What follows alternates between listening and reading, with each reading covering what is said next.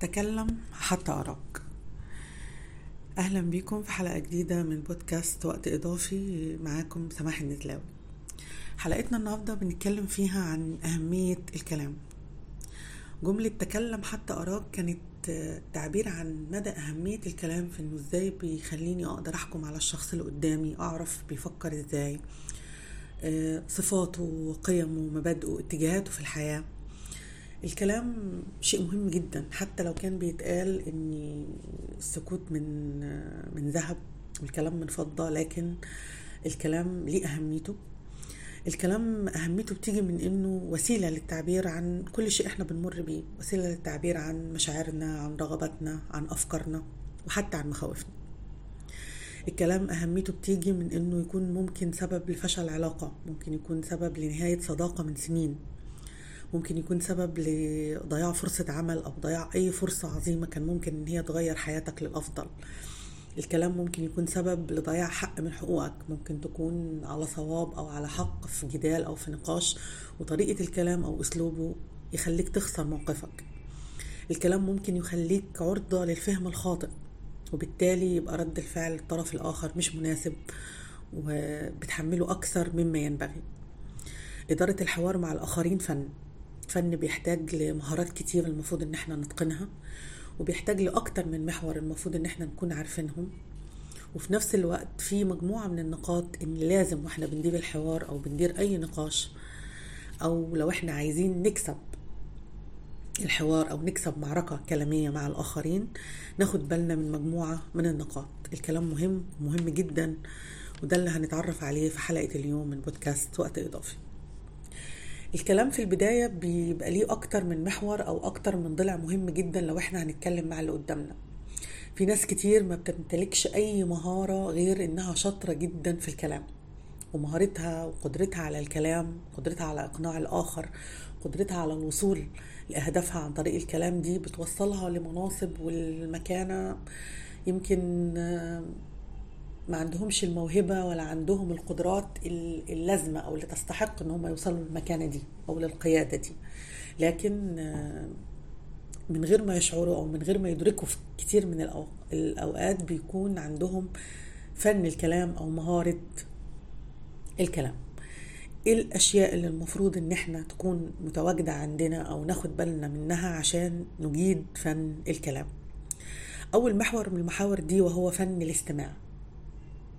اللي هو المفروض انه عكس الكلام. مهم جدا عشان تكون متحدث جيد إنك تكون في البداية مستمع جيد إنك تلتزم الصمت. أي حوار بيدور بينك وبين طرف آخر لازم في البداية تلتزم الصمت. الصمت ده هيساعدك على إنك تسمع كلام الشخص اللي قدامك للآخر تديله فرصة إنه يتكلم تسمعه تفهمه تفهم إيه المقصود من كلامه عشان يبقى عندك الرد المناسب. التسرع في الرد قبل ما تدي فرصة للي قدامك إنه يتكلم أو يعبر عن كل اللي هو عايز يقوله ممكن يخليك تفهم بشكل خاطئ أو يخليك تصدر أحكام متعجلة أو أحكام استباقية للكلام اللي بيتقال ويوقعك في الغلط. لكن عشان تكون متحدث جيد ومتكلم جيد لازم في الأول تكون مستمع جيد. بلاش يكون الكلام وسيلة لإثبات وجودك. بلاش يكون كل غرضك من الكلام إن أنت تأكد للي قدامك إن أنت موجود. أنا بتكلم فبالتالي أنا موجود. لأ. مش عيب ابدا إن يتفتح قدامي موضوع أنا ما عنديش دراية كافية بيه. مش عيب ابدا إن يتم النقاش في موضوع أنا معلوماتي عنه ما هياش بالقدر الكافي أو أول مرة أسمع المعلومة أو أول مرة أعرفها. ده مش غلط. مش المفروض إن إحنا نبقى ملمين بكل شيء. هو الصح إن أنت يبقى عندك معلومة أو عندك معلومة بسيطة من في كل الموضوعات. لكن فرضا إن اتفتح قدامك موضوع أنت مش ملم بأي شيء منه أو بأي حاجة تخصه. هل ده عيب؟ هل ده ينقص من قدرك أمام الآخرين؟ لا. اللي ممكن ينقص من قدرك أمام الآخرين في موقف زي كده إنك تقول كلام أنت مش فاهمه أو كلام غلط أو إن أنت تبتدي زي ما إحنا بنقول كده بالعاميه تتفلسف. تقول حاجات مش صح فتبان إن أنت مش شخص آه على علم لا هتبان ان انت شخص جاهل وكمان بيألف أو بيتفلسف زي ما بنقول. مش عيب ابدا إن يكون في موضوع بيتفتح قدامي وأنا مش ملم بيه أو ما عنديش معلومات كافية عنه. وفي الحالة دي الصح اللي المفروض يتعمل إما إن أنا أسكت واستفيد من الكلام اللي بيتقال قدامي وأبقى بحصل على معلومات جديدة أو لو أنا الموضوع مش على القدر من الأهمية بالنسبة لي أو حاسس إن وجودي ما بيضيفش شيء للناس اللي بتتكلم وممكن يكون عبء عليهم لأني مش ملمة بالموضوع وما عنديش استعداد أشارك يبقى الانسحاب. لكن فرضا إن اتفتح موضوع قدامك وانت الموضوع مش مهتم بيه فانت في الحالة دي قدامك حاجة من الاتنين. انت في الحالتين هتستمع بس الاستماع في منه شكل سلبي وفي منه شكل إيجابي. الاستماع السلبي إن انت هتفت... هتسمع الموضوع اللي الناس بتشارك فيه أو الموضوع المطروح للنقاش ومش هتشارك. هتبقى بتسمع ليس أكثر. انت مستمع فقط لا غير. وده عيبه إنه ممكن يدي إيحاء للشخص اللي بيتكلم إن انت مش مهتم. أو يدي انطباع عنك إن أنت ما عندكش ثقة كافية بنفسك فمش قادر تشارك أو ما عندكش معلومات كفاية فمش قادر تشارك. وممكن يكون الاستماع استماع إيجابي. وأنت ممكن تحول الاستماع ده لاستماع إيجابي حتى لو أنت ما عندكش فكرة عن الموضوع المطروح. إزاي ممكن تحول الاستماع ده لاستماع إيجابي؟ إن أنت ممكن تعيد نفس الكلام اللي بيتقال وكأنك بتأكد المعلومة أو بتأكد الحقيقة اللي بتقال إما بأسلوبك أو بأسلوب الشخص اللي بيتكلم. يعني لو هو بيتكلم في موضوع ما انت ما عندكش فكرة عنه. عيد نفس الكلام بعد شوية. آه في الحقيقة فعلا حصل كذا وكذا وكذا. أو في الحقيقة فعلا الرأي الفلاني ده هو الصح. لو هو بيقول حقائق وبيقول حاجات واقعية. كرر اللي هو بيقوله. إما بأسلوبه أو بأسلوبك كنوع من أنواع التأكيد. ركز مع الكلام وتفاعل معاه بشكل بسيط. بس بلاش المبالغة بلاش المبالغة في الكلام بلاش التأكيد الرهيب. آه فعلا أنت عندك حق. آه فعلا الموضوع ده حقيقي ومهم وواقعي وإحنا لازم نتناقش فيه أكتر من مرة. بلاش المبالغة لأن المبالغة عادة بتدل على إن إما إن أنت شخص جاهل بالموضوع اللي بيطرح الحوار فيه يا إما بتبين للي قدامك إن أنت متصنع ومش فاهم ومش مهتم بالكلام. وارد جدا إنك تكون مستمع سلبي لو الموضوع أنت مش مهتم بيه أو مش مهم بالنسبة لك. أو لو الشخص اللي بيتكلم بيتكلم في معلومة أو بيتكلم في شيء بينقل لك خبر أو بينقل لك معلومة أنت بالفعل عندك دراية عنها وده بيحصل معانا كتير. بيحصل معانا كتير إن إحنا نتفاجئ إن الشخص اللي قدامنا بيكلمنا فعايز يوصل لنا معلومة إحنا المعلومة أصلا عارفينها من الأول. أو بيوصل لنا معلومة المعلومة دي هو كررها أو اتكلم عنها قدامنا أكتر من مرة خاصة لو كان طفل أو كان شخص كبير في السن. في الحالة دي بلاش تبين إن أنت عندك فكرة عن الموضوع أو تهاجمه بجملة زي جملة إيه عارف عارف ما تكملش. أو يبقى ردك عليه على فكرة أنت اتكلمت معايا في الموضوع ده أكتر من مرة. أو على فكرة أنا الموضوع ده عرفته من قبلك بكتير. بلاش الردود اللي فيها نوع من أنواع كسر الخاطر. بلاش الردود اللي فيها نوع من أنواع الصد أو إنك تكسف الشخص اللي قدامك. حتى لو أنت على دراية بالموضوع والمعلومات بالنسبة لك معلومات بديهية وسهلة وأنت شخص يعني مثقف والكلام اللي هو بيقوله لك ده بالنسبة لك ده كلام صح سطحي وقديم وأنت تعرفه من زمان. بلاش. كسب المشاعر اللي قدامك وكسب القلوب أولى بكتير من إن أنت تبين إن أنت شخص مثقف أو عندك فكرة أو تعرف أو تعرف أكتر منه. كل ده الاستماع للآخرين والاهتمام باللي هم بيقولوه من أكتر الطرق اللي بتخليك تكسب قلوب اللي قدامك وتقوي تقوي علاقاتك بيهم. طيب لو أنت المتحدث أنت اللي بتتكلم وحسيت إن الشخص اللي بيسمعك مستمع سلبي يعني هو مش مهتم تتصرف إزاي؟ في الحالة دي أنت مهم في البداية إنك تتأكد في الأول إن هو مستمع سلبي أو إن هو مش مهتم بإن أنت ترمي جملة كده في نص الكلام يكون ملهاش أي علاقة بالموضوع. يعني انت فرضا ان انت بتتكلم مثلا عن مشكلة حاصلة معاك أو عن أزمة انت بتمر بيها وحسيت إن اللي قدامك مش مهتم. في نص الكلام كده قول له إيه مثلا؟ قول له شفت الماتش بتاع امبارح؟ فلو هو فعلا مهتم و... ومركز معاك في الكلام هيقول لك إيه علاقة الماتش باللي إحنا بنتكلم فيه دلوقتي؟ ما تكمل كلامك. لكن لو لقيته آه بيقول لك آه أنا شفته يبقى ده مش مدرك أنت بتقول إيه ومش مهتم. في الحالة دي بقى اسأل نفسك. اسأل نفسك هو مستمع سلبي ليه؟ هل الموضوع ما يهمهوش هل أسلوبك أو طريقتك مش مشوقة وأنت بتسرد معلومات كده فبالتالي هو تاه منك في الكلام أو ما بقاش مهتم؟ عشان كده مهم جدا إن أنت لما تتكلم في موضوع تختار الشخص المناسب والمكان المناسب والموضوع المناسب. شوف أنت بتتكلم مع مين؟ هل الموضوع اللي أنت بتتكلم فيه ده يهم الشخص ده ولا لأ؟ وهل المكان اللي أنتوا قاعدين فيه أو أو طبيعة القعدة اللي أنتوا قاعدينها مثلا آه، ينفع تتكلم فيها في حاجة زي كده أو لا؟ يعني أنا ما ينفعش أكون مثلا رايحة أزور مريض وأبتدي أتكلم معاه عن مشاكلي والصعوبات اللي بتعدي عليا وأنا إزاي قرفان في حياتي و... لا أنت المفروض إن أنت رايح تسليه أو رايح تهون عليه شوية أو تر- رايح تخفف من عليه. ففي الحالة دي هو مش هيسمعك. مش المفروض إن أنا بتكلم آه، عن عربيتي الجديدة اللي أنا اشتريتها وإن إزاي حلوة وإزاي كان نفسي فيها من زمان وأنا الشخص اللي قدامي عارفة ومدركة كويس جدا إن هو بيمر بضائقه مالية فمش هيسمعني. مش هيهتم باللي أنا هقوله. وتأثير كلامي عليه هيكون تأثير سلبي. اختار الشخص اللي أنت بتتكلم معاه اختار الموضوع اللي يناسبه واختار الموقف أو المكان اللي يناسب الكلام ده. طيب تاني حاجة أو تاني محور من محاور الكلام وهي المقطعة. المحاور دي اللي إحنا بنتكلم فيها هي المحاور اللي إزاي تخلي كلامك ممتع وكلامك شيق لو انت خدت بالك من النقاط دي. تاني نقطة معانا اللي هي المقاطعة والمقاطعة ليها أشكال كتير والمقاطعة من ضمن الحاجات اللي بتبوظ آه، نقاشات كتير وبتنهيها بجدل وبتنهيها بخلاف. أشكال المقاطعة في ناس بتقطعك في الكلام بهدف إن هي عايزة تغير الموضوع. يعني أنت بتتكلم معاه في موضوع هو مش مش حابه أو مش حابب يتكلم فيه. مثلا آه، شخص مثلا مر بأزمة فأنا بتكلم معاه فبقول له طب احكي لي أنت عامل إيه دلوقتي؟ فتلاقيه بيقول لك بيرد عليك يقول لك إيه؟ يقول لك آه، المهم قال فعلا أنت كنت مسافر الأسبوع اللي فات أو أنا سمعت إن أنت اشتريت كذا الأسبوع اللي فات. ده معناه إيه؟ ده معناه إن هو مش مهتم بالموضوع أو عايز يغير الموضوع. فممكن يكون بيقاطع لمجرد وده وده معظمنا بيستخدمه. إحنا فعلا لما بتطرح علينا مواضيع مش حابين إن إحنا نتكلم فيها بنغير الموضوع. طيب أنت الموضوع بالنسبة لك مهم وعايز تتكلم فيه. تعمل إيه في الحالة دي؟ تحاول ترجعه للموضوع بأي شكل. ترجعه للموضوع إزاي؟ يا إما إن أنت هتغير أسلوبك وتخليه أسلوب مشوق أكتر يا إما لو أنت بتتكلم في موضوع بالنسبة له الموضوع صعب وهو مش فاهمه فعايز يغيره أو هو حاسس إن هو مش مستوعب اللي أنت بتقوله فأنت تتكلم بشكل أبسط وتدي أمثلة توضح أكتر.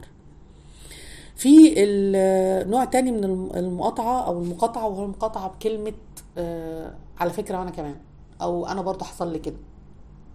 وده بنحسه كتير قوي لما نكون بنشكي يعني لما تكون بتشكي من شيء معين ففي في ناس بتستخدم كلمة أنا كمان أو أنا برضو حصل لي كده أو مش أكتر مني. تقول له والله أنا امبارح كان يوم صعب عليا بشكل فيرد عليك يقول لك آه، مش أكتر مني.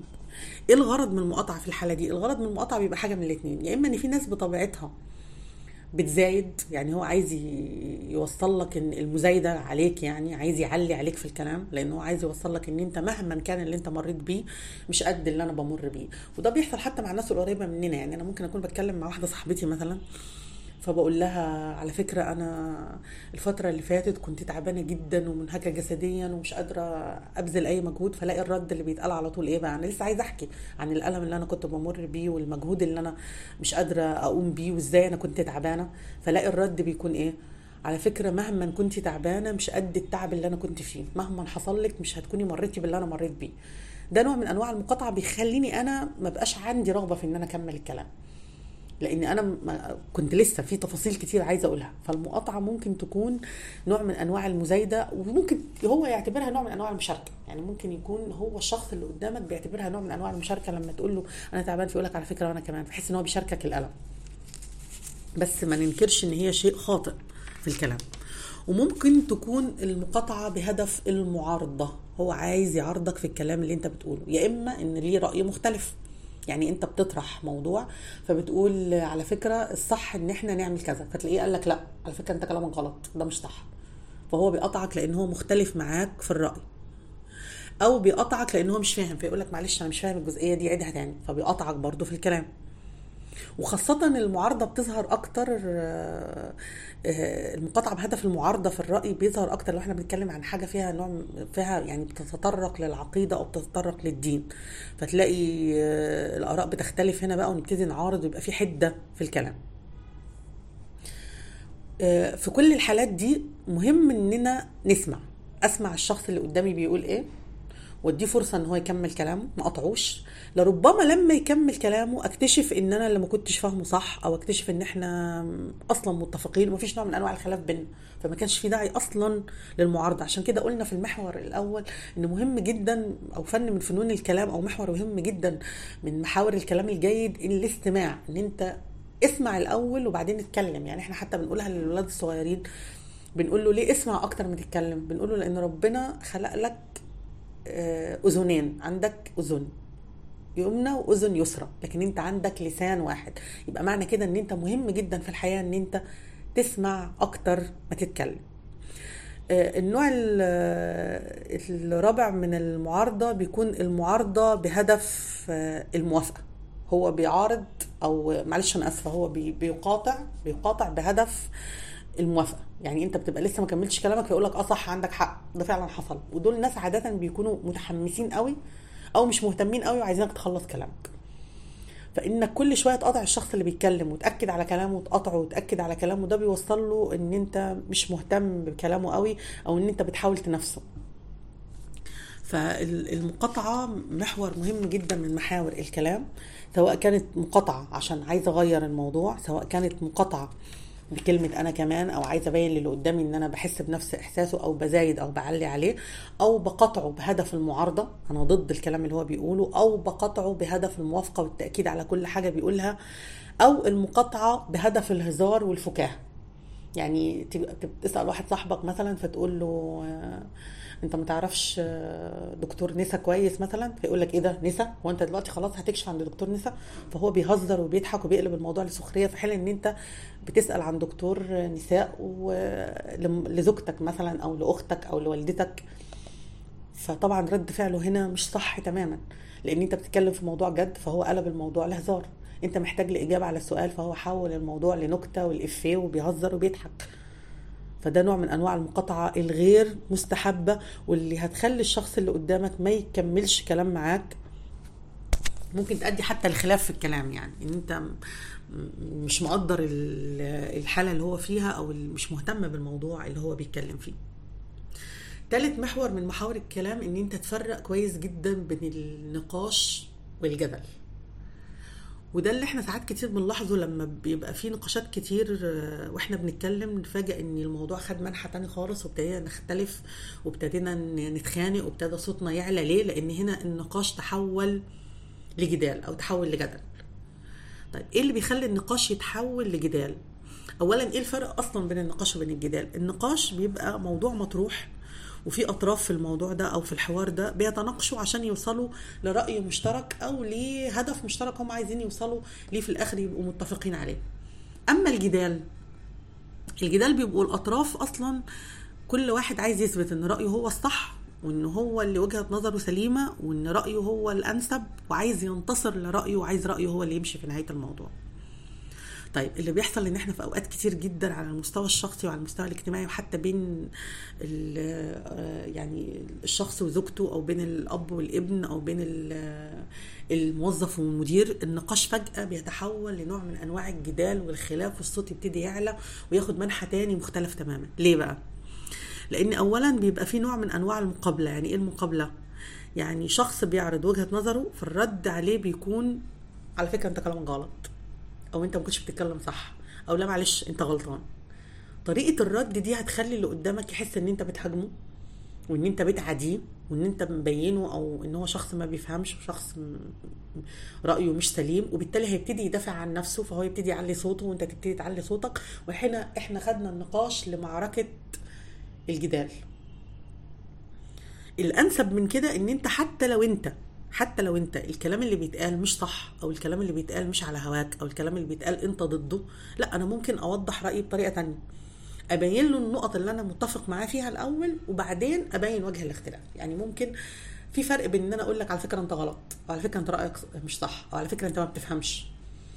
وفي فرق إن أنا أقول لك هو أنا متفق معاك في جزئية بس في جزئية تانية أعتقد إن أنت وصلتك بشكل غلط. الأسلوب يا جماعة الطريقة. الأسلوب أو الطريقة. أنا ممكن أتقبل النقد ممكن أتقبل النصيحة ممكن أتقبل ال- ال- التوبيخ ممكن أتقبل العتاب أتقبل اللوم. بس الطريقة كانت إزاي؟ أي شخص في الدنيا حتى لو أنت بتتكلم لمصلحته لو حس اللحظة إن أنت بتهاجمه أو إن أنت يعني عايز تبينه إن هو ما بيفهمش أو إن هو رأيه غلط بديهي جدا إن هو هيعارضك ومش هيتقبل منك الشيء حتى لو الشيء ده كان في مصلحته. فكرة إن كل طرف عاوز يبين للناس إن الطرف التاني هو اللي غلط وإن هو اللي على صواب وإن وجهة نظره هي اللي صح ده بينقل النقاش لمرحلة تانية خالص وهي مرحلة الجدال.